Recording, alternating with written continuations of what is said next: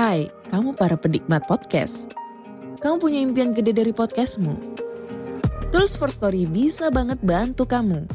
Mulai dari F-Link, Dynamic Audio Insertion, sampai statistik yang komprehensif. Semua ada di First Story. Gak ketinggalan kamu bisa monetisasi podcastmu lewat iklan dari First Story Ads yang bisa kasih kamu penghasilan dari setiap place podcastmu. Yuk gabung sekarang dengan klik di firststory.me. Sekali lagi, klik di firststory.me. Mari kita bawa mimpi podcastingmu menjadi kenyataan. Assalamualaikum warahmatullahi wabarakatuh. Waalaikumsalam warahmatullah. Selamat malam Sobat MM. Apa kabar Anda hari ini? Mudah-mudahan semua selalu dalam keadaan sehat walafiat dan selalu dilindungi oleh Allah Subhanahu wa taala serta dilimpahkan rezekinya. Terima kasih telah mendukung kami ya. Sobat, malam hari ini kami masih berada di Majalengka. Jaraknya kurang lebih 20 km lah ya atau 20 menit juga boleh dari kota Majalengka yaitu Desa Maja Utara. Di sini banyak menyimpan misteri, makanya kami pergi ke sini dan mencari narasumber yang mempunyai kisah nyata. Sudah kami dapatkan hari ini yaitu Kang Ibeng. Nah, di depan Anda ada Kang Ibeng. Apa kabar Kang Ibeng? Alhamdulillah sehat mang. Sehat ya? Ah, sehat. Kang Ibeng ini profesinya apa sekarang? Kalau sekarang saya jadi guru honorer mang di Bidang sekolah swasta ya. Mata Dulu pelajaran apa? Mata pelajaran saya pegang sejarah, prakarya sama akidah akhlak. Wah, ini karena ini seorang guru ya. Iya. Artinya berceritanya pasti keren nih. Mudah-mudahan. Mudah-mudahan keren ya dan menjadi info yang baik untuk kita semua. Iya. Tapi sebelum kita mulai, saya mau tanya dulu nih, yang mau diceritakan itu tadi Hmm, adalah ngelmu, Iya. menuntut ilmu goib tanpa guru. tanpa guru. Wah ini luar biasa nih, memang zaman sekarang lagi lucu-lucunya hal seperti ini ya. Ilmu tanpa guru, seperti video kita yang sebelumnya juga ada nih seorang anak muda yang menuntut ilmu dari Google. Tapi sebelumnya sebelumnya lagi nih ya, Kang Ibeng ini adalah seorang youtuber. Waduh, ini punya channel YouTube juga nih. Apa nama channelnya? Nama channelnya Ibeng Suribeng. Tentang apa nih? Kalau dulu memang kita upload itu tentang penelusuran misteri, penelusuran makam-makam keramat. Cuman karena memang kesibukan yang luar biasa nih Mang ya. Jadi channel saya vakum di dunia misteri. Kita pindah ke dunia peternakan sama pertanian gitu. Oh iya. Iya. Jadi goibnya goib ayam nih. Iya, jadi goibnya ke ayam gitu Mang. Tapi berhasil mudah-mudahan ya. Mudah-mudahan. Silakan kepoin channel YouTube-nya Ibeng Suribeng pakai K. Ya, pakai Kak Ibeng Suribeng. Kita dengarkan kisah dari Kang Ibeng, kisah nyatanya yang terjadi mulai di tahun 2013 yang hasilnya sungguh mencengangkan. Silakan ceritanya gimana? Iya.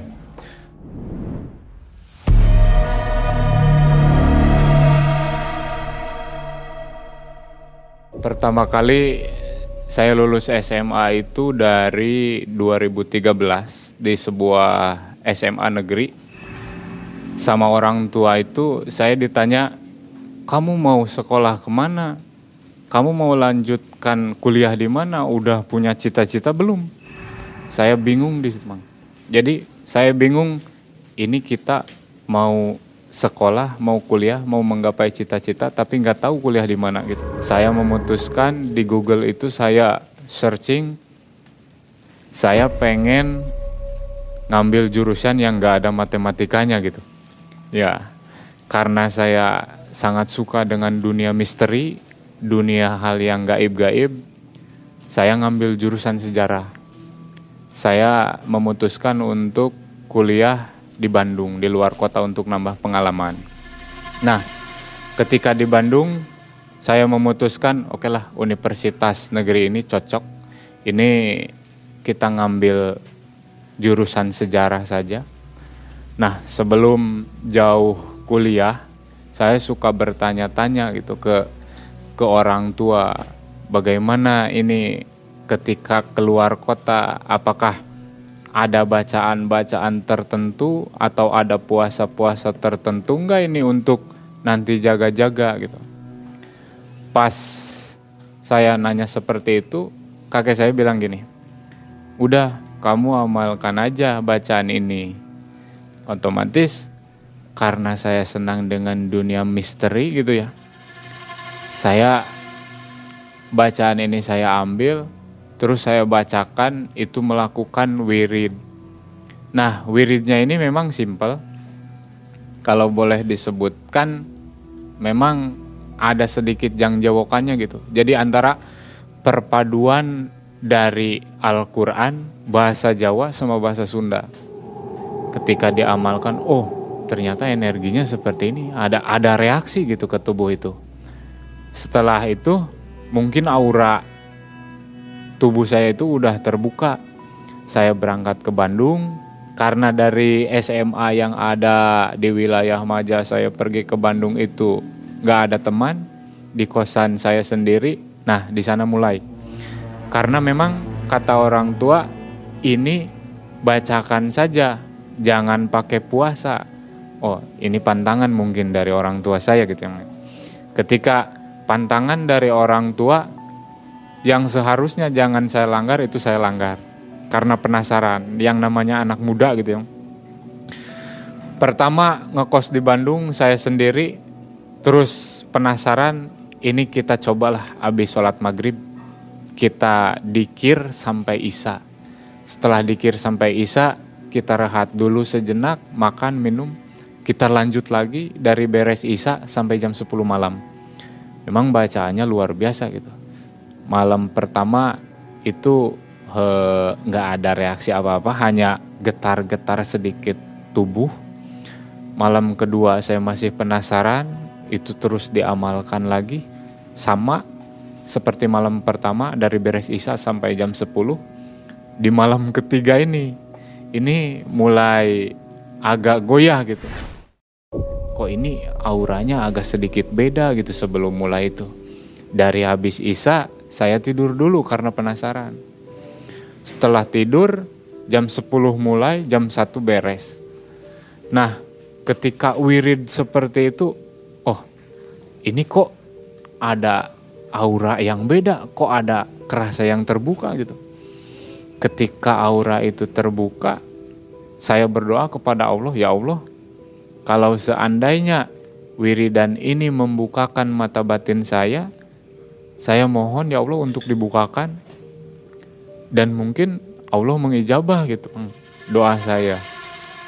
Pas pertama kali saya lihat itu saya nengok ke sebelah kanan kok ini ada anak kecil gitu ya.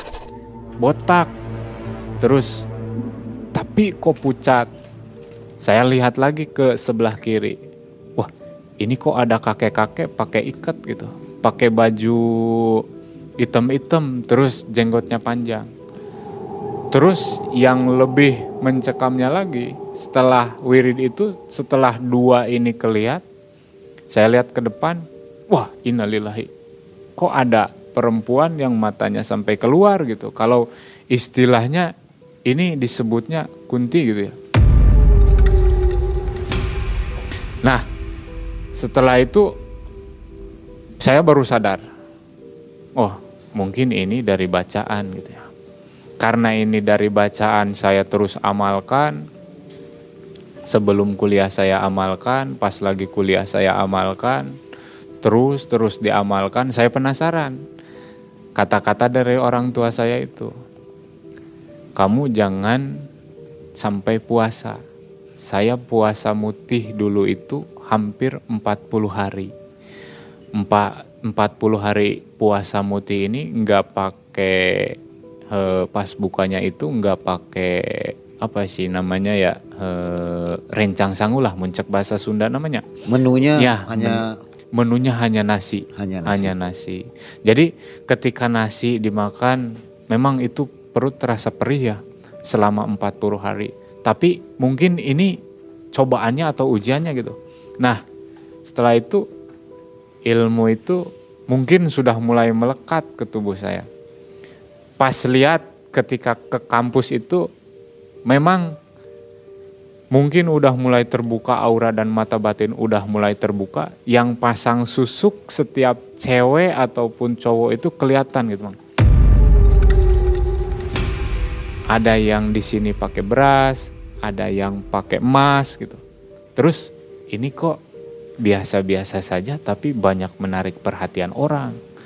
Jadi di sana saya mulai bingung. Wah berarti mata batin saya kebuka gitu. Habis dari ngelihat yang tiga jenis makhluk tadi, i ngelihat cewek juga yang pakai susuk sampai kelihatan gitu. Nah, singkat cerita di Bandung saya tiga tahun setengah sambil ngelmu seperti itu. Saya mulai searching-searching di Google, buka-buka buku tentang ilmu-ilmu yang seperti itu itu ada satu bacaan yang yang bikin saya menarik. Jadi di bacaan itu dijelaskan bahwa bacaan ini membuat orang e, kebal, membuat orang ini banyak yang suka. Saya mulai penasaran di sana. Dan salahnya memang saya ngewirid, ngewirid dari buku gitu, ilmu tanpa guru.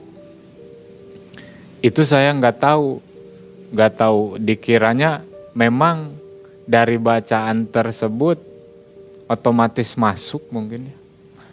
Dibaca di wirid memang wirid rutinnya itu rutinanya itu dari maghrib sampai isya itu hampir setiap hari ini saya mau nanya sedikit nih sebelum ya. dilanjutkan kenapa beda kalau kita belajar tanpa guru ilmu dunia mm -mm. ya baca buku perkalian atau apa ya. itu bisa berhasil ya, ya. kenapa kalau goib nggak uh berhasil. Padahal bacanya sama seperti yang diberikan oleh guru ya. Yeah. Guru pembimbingnya. Uh Kenapa? Nah, memang kalau dari gurunya itu kan udah ada yang tanggung jawabnya gitu, Mang. Jadi kalau diizazahkan itu udah ada yang siap tanggung jawabnya gitu. Kalau dari buku mengenai ilmu-ilmu mistik seperti ini, itu nggak puguh arah gitu kalau bahasa Sunda nama. Ini jalurnya ke mana? Nanti di kalau ke depannya ini konslet istilahnya mah ini siapa yang akan nanti membimbing gitu? Nggak ada. Jadi otomatis kan si jin itu mudah masuk gitu bang apalagi memang kalau saya dulu pencariannya tentang hodam itu banyak tersesatnya di sana gitu nah singkat cerita dari dari saya baca-baca buku saya pelajari saya puasain nah setelah itu oh ini kok aura mulai terbuka gitu. Ini bangsa-bangsa gaib kok mulai kelihatan gitu. Pas pergi ke tempat angker yang yang istilahnya ini di tempat ini masih ada nih bangsa-bangsa gaib. Oh, itu kelihatan sekali gitu, Bang. Mulai dari memang yang namanya hantu pocong gitu ya. Kalau kalau di film-film kan memang seperti itu, tapi kalau aslinya kalau menurut saya wajahnya itu hampir sama dengan kayak mirip wajah kucing gitu mang si rupa mukanya itu kayak rupa wajah kucing gitu ah jadi kan kalau sebagian orang mah memang menafsirkan si pocong itu wajahnya itu berlumuran darah hitam gitu ya. Terus banyak nanahnya. Tapi kalau pas saya buka mata batin itu pas kelihatan kok hampir mirip kucing gitu. Jadi pengen ketawa gitu pak. Ya lihat lihat makhluk-makhluk ini. Tapi memang karena udah terbiasa mungkin ya. Nah di sana karena hal tadi saya coba gitu saya lihat di televisi televisi swasta itu banyak tentang membahas misteri oh ini cara mencabut kodam itu seperti ini. Oh ini cara memasukkan mediumisasi itu seperti ini. Nah salah kaprahnya saya jadi ketika udah melihat tayangan seperti itu saya terinspirasi hodam. Kalau kita punya hodam pendamping itu pasti lebih aman gitu. Nah di sana saya mulai salah jalur. Ini sempat nggak sholat itu satu bulan. Karena memang he, dari semester awal sampai semester 7 itu saya fokus kuliah, semester 8 itu mulai skripsi.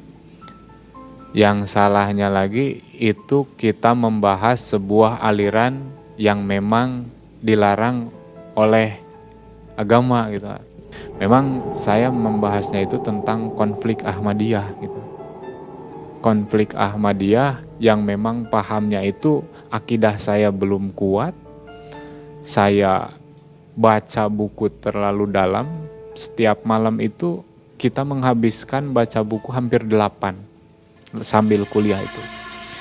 Jadi delapan buku kita habiskan tiap malam. Ada satu buku yang jadi acuan saya karena saya pengen tahu aliran ini seperti apa. Saya masuk di dalamnya, otomatis doktrinnya saya pakai. Ketika doktrin ini saya pakai, ini kok sholat kayak nggak perlu gitu. Nah di sana saya mulai tersesat, mulai tersesat. Saya nggak sholat itu satu bulan ketika enggak sholat satu bulan, dosen saya tahu, ini kok kamu jadi gini, Beng. Ini semenjak kamu ngebahas tentang konflik Ahmadiyah untuk skripsi, jadi sesat seperti ini gitu. Dan dalam hati saya, saya ngomong gitu, Pak. Sebenarnya ini bukan hanya tentang pembahasan skripsi, tapi ini tentang bacaan-bacaan yang dikasih dan yang saya cari dari buku gitu. Nah, karena saya terinspirasi gitu ayah, lihat eh, acara-acara televisi, mediumisasi, uji nyali, mulai penarikan hodam. Saya mulai tertarik dengan hodam. Karena mungkin eh, ambisi saya hodam itu bisa menjaga gitu ya. Ini tujuan langkah ketika udah punya ilmu hodam itu kita rejeki itu meskipun kuliah banyak. Bukan hanya dari orang tua. Tapi saya udah memberanikan diri untuk mengobati orang yang kena santet gitu. Jadi dijadikan pacuan utama itu hodam gitu. saya lupa sama Allah. Kalau yang ini mantra dari sendiri atau ya. dapat dari pembimbing kalau yang hodam ini mantra sendiri dapat dari buku. Memang dari hasil ngelmu disebut bahasa Sunda namanya. Dari ilmu-ilmu tersebut pertama saya sangat suka itu dengan cewek yang sekelas sama saya waktu kuliah gitu. Ini ketika cewek itu ditanya judes banget gitu. Yuk kok ada ya cewek model gini? Ditanya nggak nggak nggak ngerespon. Nah saya coba. Ini saya udah sakit hati nih. Ini cewek cantik tapi saya dicuekin gitu. Pertama saya hisap asap rokok kita ajak ngobrol itu hanya ditiupkan saja. Dan ternyata oh ada respon yang menarik nih. Ada respon kok hanya dengan asap? Oh berarti ilmu ini bukan hanya sekarang mengobati orang santet orang eh, kena sihir tapi berarti asihan juga gitu. Multiguna ya? Multiguna ya nah setelah coba dengan asap rokok saya suka dengar cerita sepuh bahula eh, atau orang tua zaman dulu. Itu pakai lenca katanya bacaan tadi saya baca, saya tiupkan ke lenca gitu. Si lenca itu diputer-puter sambil disebut namanya. Dan memang itu pertama kali itu orang Sumedang, namanya inisial M dan alhamdulillah itu hampir satu tahun dekat. Ketika pulang ke Majalengka, ketika kuliah saya anterin sambil pulang di Sumedang, saya simpan. Nah, karena mungkin yang namanya jiwa laki-laki itu nalurinya sama cewek itu kurang puas terus gitu ya. Ketika pulang ke Majalengka lihat yang cantik itu temen SMA, uh ini sih ini kok jadi cantik gitu ya. Jadi menarik gitu. Saya pakai teknik yang ada di Bandung itu, yang ketika kuliah itu. Jadi ketika kuliah itu saya sempat menjalin hubungan tiga yang di Sumedang, di Majalengka, sama di Garut gitu. Ini tiga sekaligus saya hubungan. dengan modal HP kentang gitu ya saya cetan di sana pakai BBM dulu mah ya BBM tukar-tukar pin itu hanya dengan bacaan pelet tersebut gitu. Nah, mungkin karena naluri laki-lakinya itu masih menggebu-gebu gitu, kurang puas. Yang tiga ini itu saya tambah lagi orang Talaga, orang Maja, orang Ciomas. Yang paling jauh itu orang Banjar. Total ada berapa itu? Tujuh. Tujuh, semua berjalan. Iya. Luar biasa. Iya. Jadi efek samping mungkin pertama kali ya itu pakai yang ke orang Sumedang, saya lupa. Itu saya baca di buku tersebut. Kalau seandainya ini dipakai asihan pakai pelet, itu jangan makan sate langsung ditarik gitu.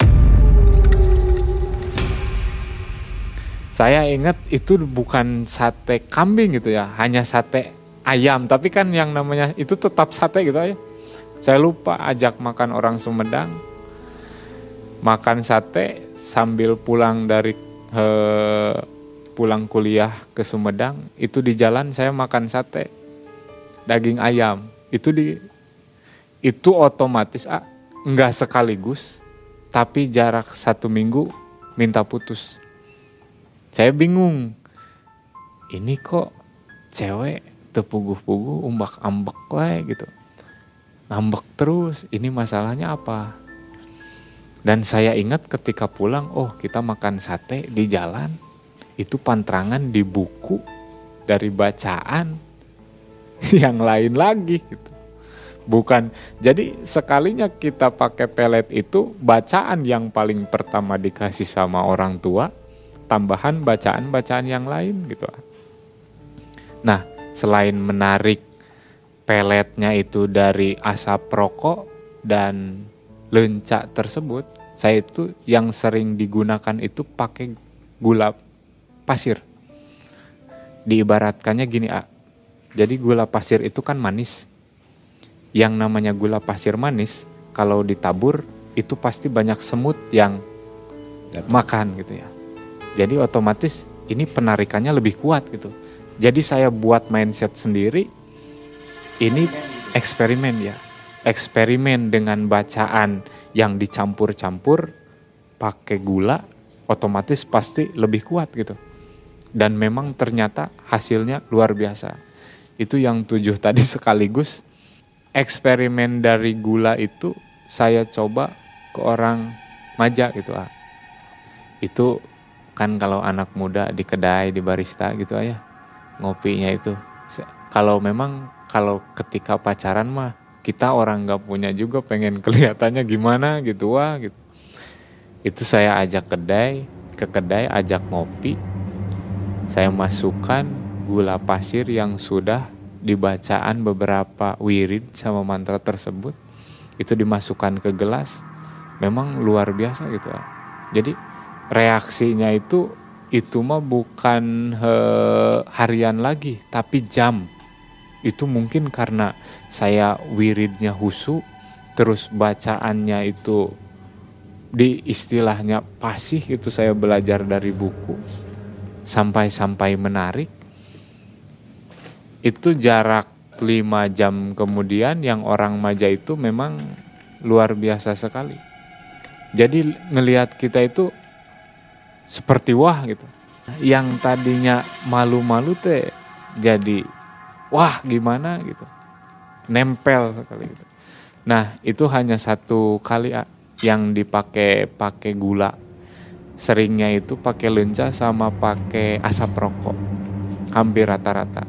Jadi yang pada akhirnya ada satu cewek yang ngebongkar ah, ini ada chat gitu ya di BBM itu dulu pakai BBM terus setelah ke sini pakai Android mulai jadi HP saya dibajak pakai Messenger kadang pakai WA nah di sini mulai terbongkar semua kebohongan saya gitu dari satu cewek ke cewek yang lain. Nah seperti itu.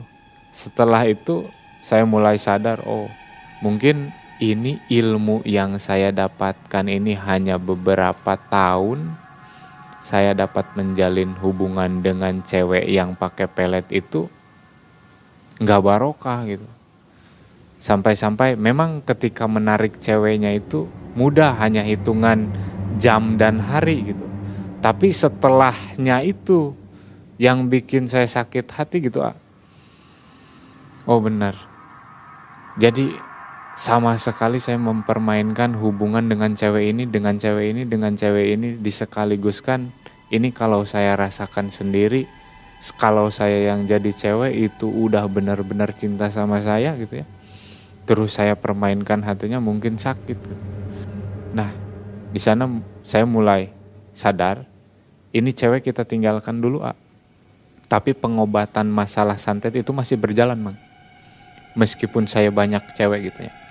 Nah, selepas dari itu, ketika kuliah saya mengobati itu bukan hanya daerah Bandung, tapi Cianjur, itu jadi pengalaman berharga saya.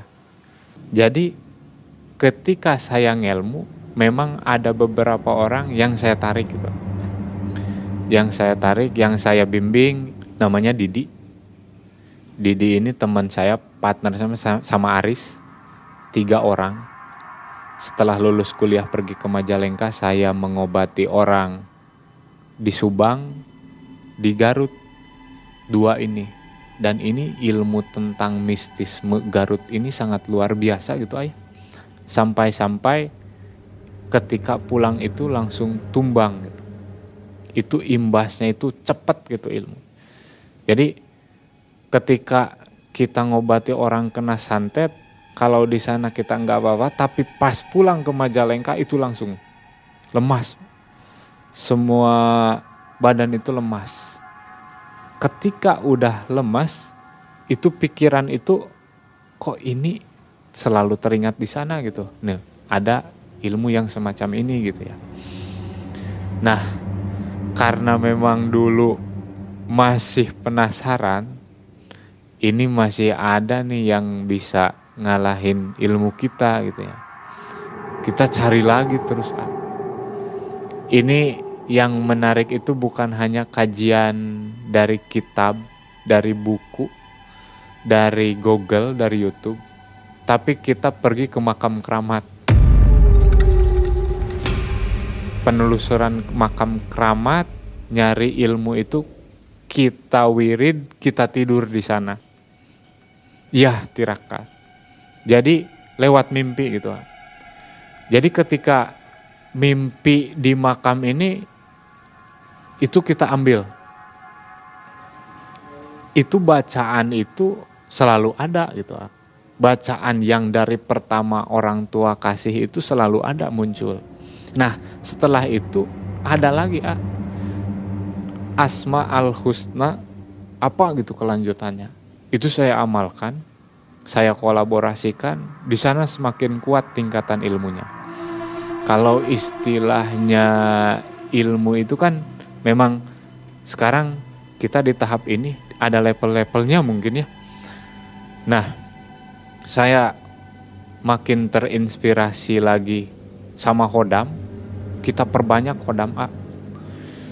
Jadi dulu kan terbuka gitu mata batin itu. Oh ini di sini ada anu nih kelihatan ada macan putih atau apa. Kita tarik, kita masukkan, kita tarik, kita simpan di barang. Nah itu otomatis ketika kita narik itu hodam dimasukkan ke barang itu kita mulai sesat lagi ya. Jadi kita otomatis kan percayanya sama hodam, nggak percaya sama Allah gitu. Jadi ini hodam ini nih yang membantu kita untuk pengobatan, yang membantu kita jaga-jaga diri kita. Gitu. Kalau untuk pengobatan masa kuliah itu kebanyakan santet mang ketika orang itu kena santet, saya coba pakai tiga cara.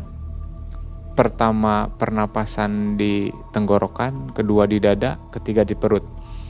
Kalau seandainya pasien ini sembuh hanya dengan pernapasan di tenggorokan, berarti ini ilmu dukunnya masih ringan gitu. Kalau pernapasan saya tahan di dada, ini udah mulai lumayan nih ilmu santetnya itu. Terus saya pindah lagi kalau nanti ini udah ke perut, berarti ini udah luar biasa gitu. Nah, saya mulai di rumah itu udah dipanggil gitu ya, setiap pulang ke rumah dipanggil berobat. Ini ada yang berobat, ada yang panas, ada yang kena santet. Nah, mulai dari situ mungkin mulai pabeja-beja lah istilah nacek bahasa Sunda nama. Jadi ini hanya dengan ini si Ibeng ini bisa nyembuhin. Memang karena dulu energinya masih kuat, karena saya masih mengamalkan wirid tersebut, ketika saya pegang tangan orang yang sakit itu, bulu kuduk itu langsung naik. Bang. Ketika bulu kuduk naik, itu nggak tahu dari hodam atau apa gitu ya. Ini penyakitnya anu, cara nyembuhinnya seperti ini, cara buangnya seperti ini, cara nariknya seperti ini gitu. Ya suka ada bisikan itu. Dan memang kata teman saya kalau hodamnya itu udah kelihatan itu bentuknya maung gitu mang. Jadi ada tiga jenis maung. Pertama lodaya kedua maung hidung yang ketiga itu maung koneng.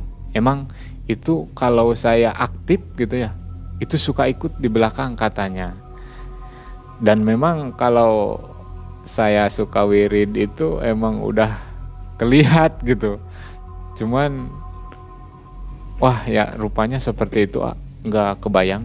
Nah di sana banyak rekomendasi tolong ke Cianjur tolong ke Sukabumi tolong ke Sumedang. Bahkan satu hari itu ah, saya bisa dapat uang 2 sampai 3 juta dari pengobatan.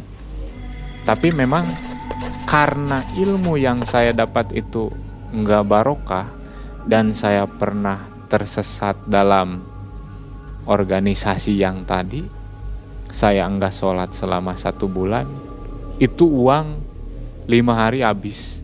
Mungkin karena saya hanya salah jalur terus uang yang saya dapat itu salahnya enggak saya sodakohkan sebagian jadi cepat hilang gitu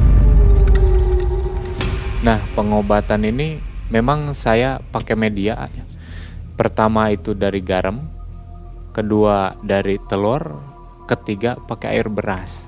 Jadi selain itu ada lagi air putih. Jadi air putih itu dibacakan mantra yang tadi awal itu bacaan Quran, bahasa Jawa sama bahasa Sunda yang istilahnya disebutnya jang jawokan gitu ya. Itu saya bacakan tiga kali, saya tiupkan. Setelah ditiupkan kita kasih minum ke pasien. Setelah kasih minum ke pasien, memang kita tunggu jarak 15 menit. Kalau seandainya ada perubahan ada getaran-getaran tertentu berarti itu reaksi. Nah selain itu kita tarik hodam atau e, sihir yang masuk di tubuh si pasien itu kita tarik dengan tiga cara tadi. Pertama dari tenggorokan dada sama perut nah Media yang lainnya kita masukkan energi tersebut dalam telur. Dan ketika telur itu dipecah oleh si pasien, memang itu pertama ada paku A. Kedua ada robah warna, ketiga bau amisnya itu hilang. Ini tanpa trik kan? Tidak seperti Pak Udin itu ya? Iya tanpa trik, tapi sekarang mah karena udah dibersihin ya bang ya. Jadi udah nggak bisa lagi itu karena memang masih muda gitu ya. jadi memang begitu ambisinya masih kuat dengan hal-hal seperti itu itu saya masih melakukan dulu. Kalau sekarang alhamdulillah enggak nah setelah itu saya mulai beres nih kuliah. Saya pergi kembali ke Majalengka. Di Majalengka itu hampir tujuh bulan saya nganggur saya nyari kerja ke sana susah, ke sini susah, rezeki seret gitu ayah. Tapi pengobatan itu terus berjalan selama tujuh bulan itu. Uang terus terima ya? Uang terus terima itu ngalir dari pengobatan eh, tersebut gitu. Kadang saya dipanggil, tapi kebanyakan saya itu dipanggil. Terus ketika dipanggil saya lihat dulu penyakitnya seperti apa. Kalau saya nggak sanggup gitu ayah, itu saya suka bilang gini. Ini kalau seandainya nanti terjadi apa-apa, saya nggak tanggung jawab saya hanya mengobati gitu. Ya, sepakat. Kalau sepakat, saya lakukan pengobatan. Kalau kalau nggak ada kesepakatan dulu, itu enggak gitu. Nah, kebanyakan memang pasien saya itu dari ilmu-ilmu sihir, mang, santet.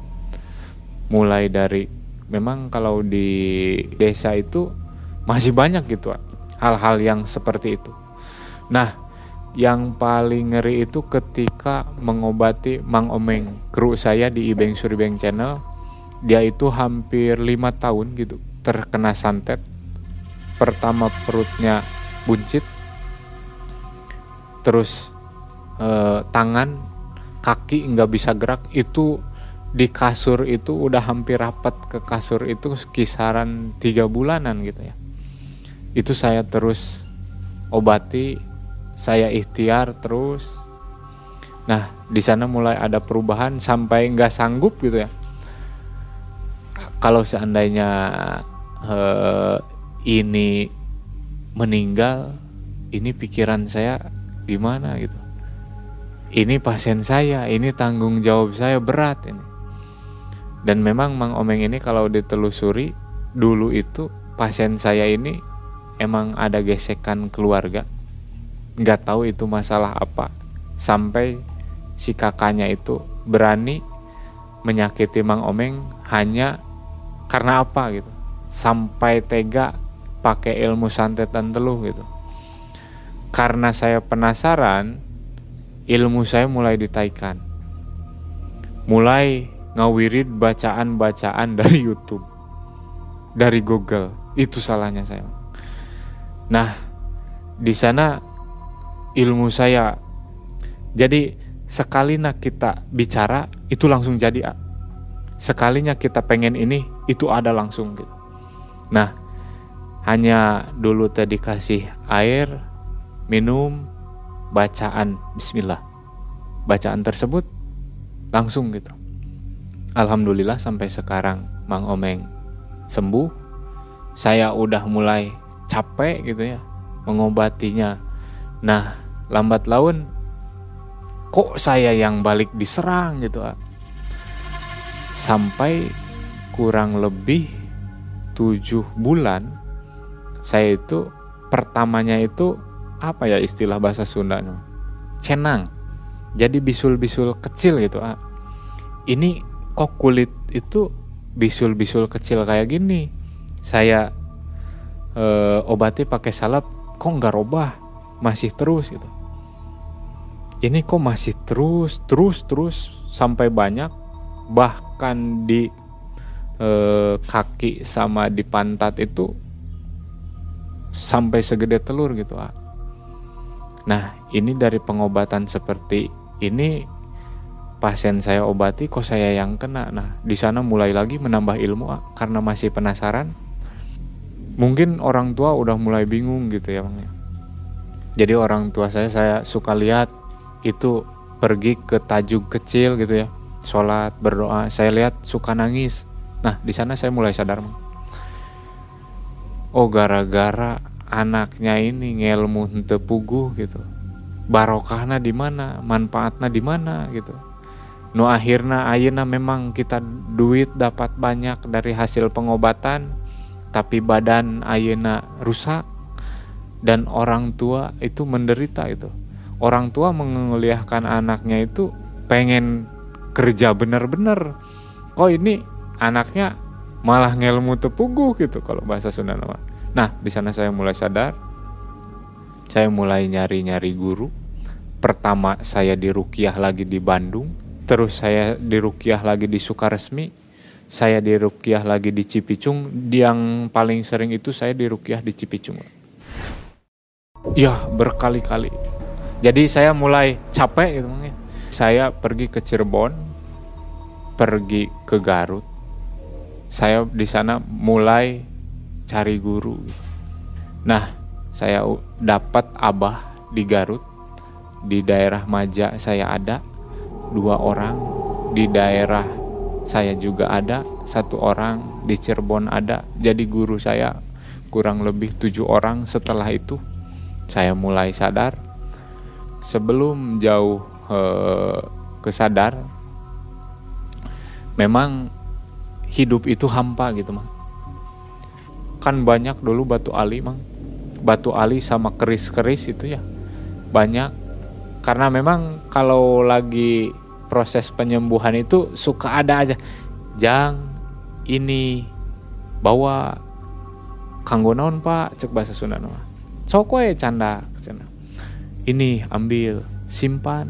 Nah jadi dikumpulkan sampai batu ali itu satu keler. Saya buang batu ali tersebut karena saya mulai sadar semua keris saya buang. Nah di sana mulai ketemu titik terang hidup itu Tapi sebelumnya banyak uang kan, mengobati dapat uang. iya Selalu masih. selalu masih Kenapa nggak di manage dengan baik? iya itu salahnya jadi Apa memang nggak bisa? meskipun di manage dengan baik tapi nggak tahu kebarokahannya itu di mana gitu iya uang panas jadi selalu habis ini uang banyak pengobatan sering tapi uang kok nggak ada yang nyisa gitu. Sampai sekarang ngasih ke orang tua aja nggak bisa meskipun uang banyak gitu.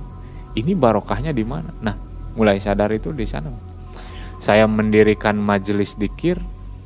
Karena udah mulai sadar semua tim yang ikut ngeplog dulu ya emang dari dulu di Ibeng Suribeng channel itu kita rutinan wirid wiridnya itu kita mulai dari hadoro terus bacaan tahlil sama asmaul husna sama ada bacaan-bacaan sholawat Terus yang paling sering kita amalkan itu simtuduror. Setelah itu mulai sedikit terbuka, saya kerja. Alhamdulillah itu dapat kerjaan itu dengan mudah. Saya masih ingat Mang penjelasan eh, dari guru saya yang di Sukaresmi. Kamu bisa dapat kerja tapi kamu harus sholat hajat, sholat tobat, menta hampura kanu jadi ibu, puasa Senin Kemis. Itu saya karena saya sadar, saya eh, istilahnya apa ya, laksanakan semua perintah guru saya gitu. Ya Allah, maafkanlah hambamu ini atas semua kesalahan yang hambamu perbuat akan kenikmatan duniawi. Hamba berserah diri kepadamu ya Allah. Hamba minta ampunanmu ya Allah. ketika dilaksanakan memang jarak satu bulan kemudian saya dipanggil jadi guru itu dipanggil jadi guru itu perantara orang tua sendiri. Ya guru sekolah. Ketika adik saya masuk ke sekolah tersebut bapak ngobrol sama guru yang ada di sekolah tersebut guru tersebut tanya ini punya adik ada kakaknya enggak gitu? Ya ya ada di rumah. Kebetulan belum kerja.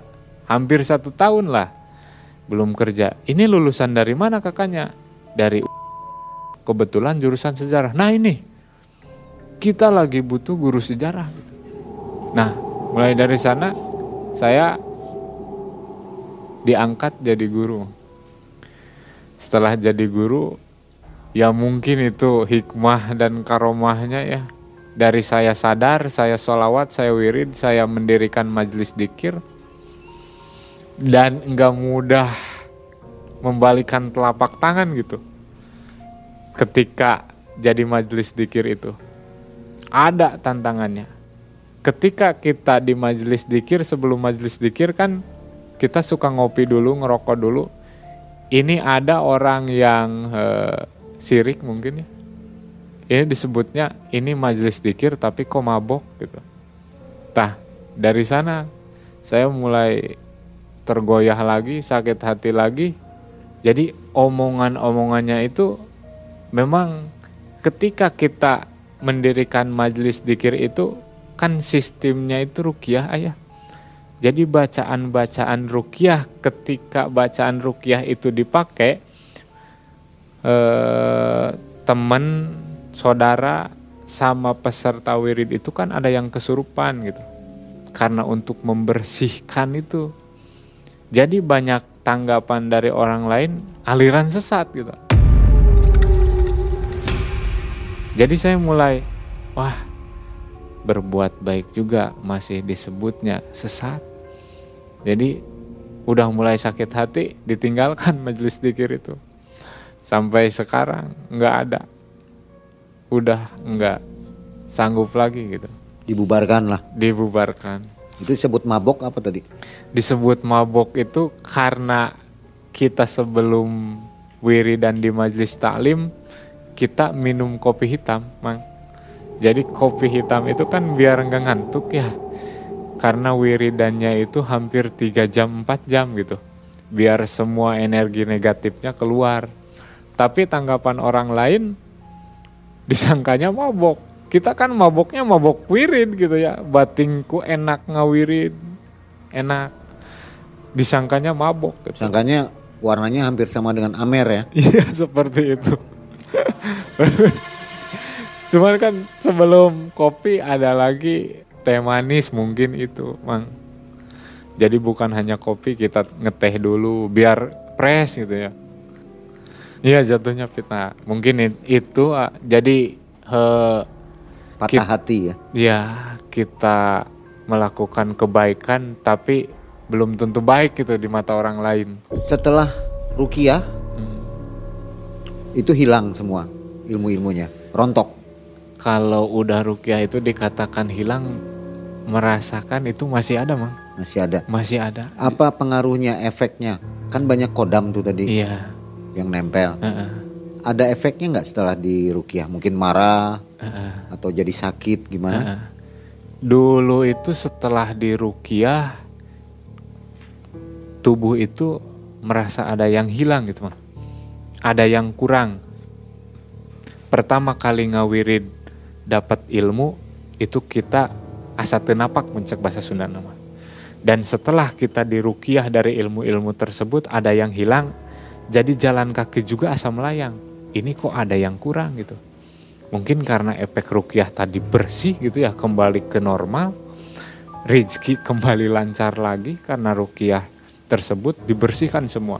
Tapi istilahnya seperti kertas yang sudah dicoret seperti awal tadi, itu masih ada bekasnya gitu. Jadi kalau merasakan energi negatif itu masih ada, Masih bisa. masih bisa. Terus kalau sekarang masih pengobatan itu, alhamdulillah gitu. Cuman kita muncek bahasa Sunda nama nyumput buni di nucaang. Jadi kita bisa, tapi semampu mungkin tahan, tahan, tahan gitu. Udah tidak ada gangguan dari jin-jin lagi, kodam untuk mengajak yang tidak benar. Nggak ada nggak godaan ke situ? Kalau masalah godaan itu alhamdulillah udah Udah hilang ya? Udah hilang, udah hilang. Bisa dikatakan ini Kang Ibeng ini mantan dukun. Iya. Boleh nggak disebut itu? Iya. Boleh.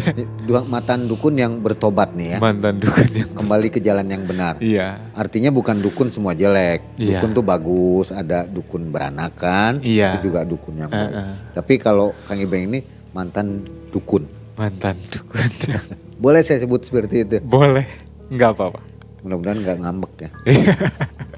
Baik, Kalau untuk pesan ini apalagi generasi muda sekarang ya, memang saya pernah baca dari buku sejarah bahwa zaman modern itu akan kembali lagi seperti ke zaman dulu. Bahwa mistis itu akan kembali tenar gitu. Dan sekarang itu udah terbukti mistis itu kembali tenar. Dan ini membuat menarik generasi-generasi tahun 2022-an bahwa hal-hal mistik itu pasti bakal tenar lagi, membuming lagi gitu. Nah, ini kebanyakan pasti nanti penasaran dan nyari ilmu. Nah, jangan sekali-kali lah. Udah eh, saya coba dulu, udah tahu dulu rasanya gimana dan itu menyesalnya luar biasa. Mending ayo nama muncak bahasa Sunda nama langsung ibadah itu sama Gusti Allah. Kalau kita langsung sama Allah, pasti lambat laun diijabah. Kalau enggak di dunia, ya nanti di akhirat. Nyaman mana waktu dalam keadaan banyak cewek Hmm. dengan keadaan sekarang? Kalau nyaman memang nyaman sekarang. Nyaman sekarang Kalau meskipun nyaman- pada waktu itu banyak cewek kan? Iya, cuman kalau masalah dalam segi ibadah itu nyaman dulu, Mang. Kalau ibadah sholat itu karena mungkin yang saya kejar itu ilmu ya. Jadi naikkan level ilmu itu lebih husu ibadahnya. Kalau sekarang kok ini meskipun udah bersih gitu, kok mikirnya ekonomi, ekonomi gitu. Seperti itu Ngambang. ngambang masih belum agak stabil gitu Harusnya ilmu itu diambil ya. Ilmu, Iya. ilmu husunya harusnya diambil ilmu sekarang. khususnya diambil sekarang Baik. Kang Ibeng, Iya. kisah yang sangat menarik dan menginspirasi untuk kita semua. Iya. Jadi untuk sobat ambil yang baiknya ya dan buang yang negatif ya. Hmm. Jangan ikuti Ya. ilmu-ilmu dari Google tanpa pembimbing atau guru. Kita akhiri kisah dari Kang Ibeng dari Majalengka. Hmm. Akhir kata, Mang Ei dan tim ucapkan Assalamualaikum warahmatullahi wabarakatuh. Waalaikumsalam warahmatullahi wabarakatuh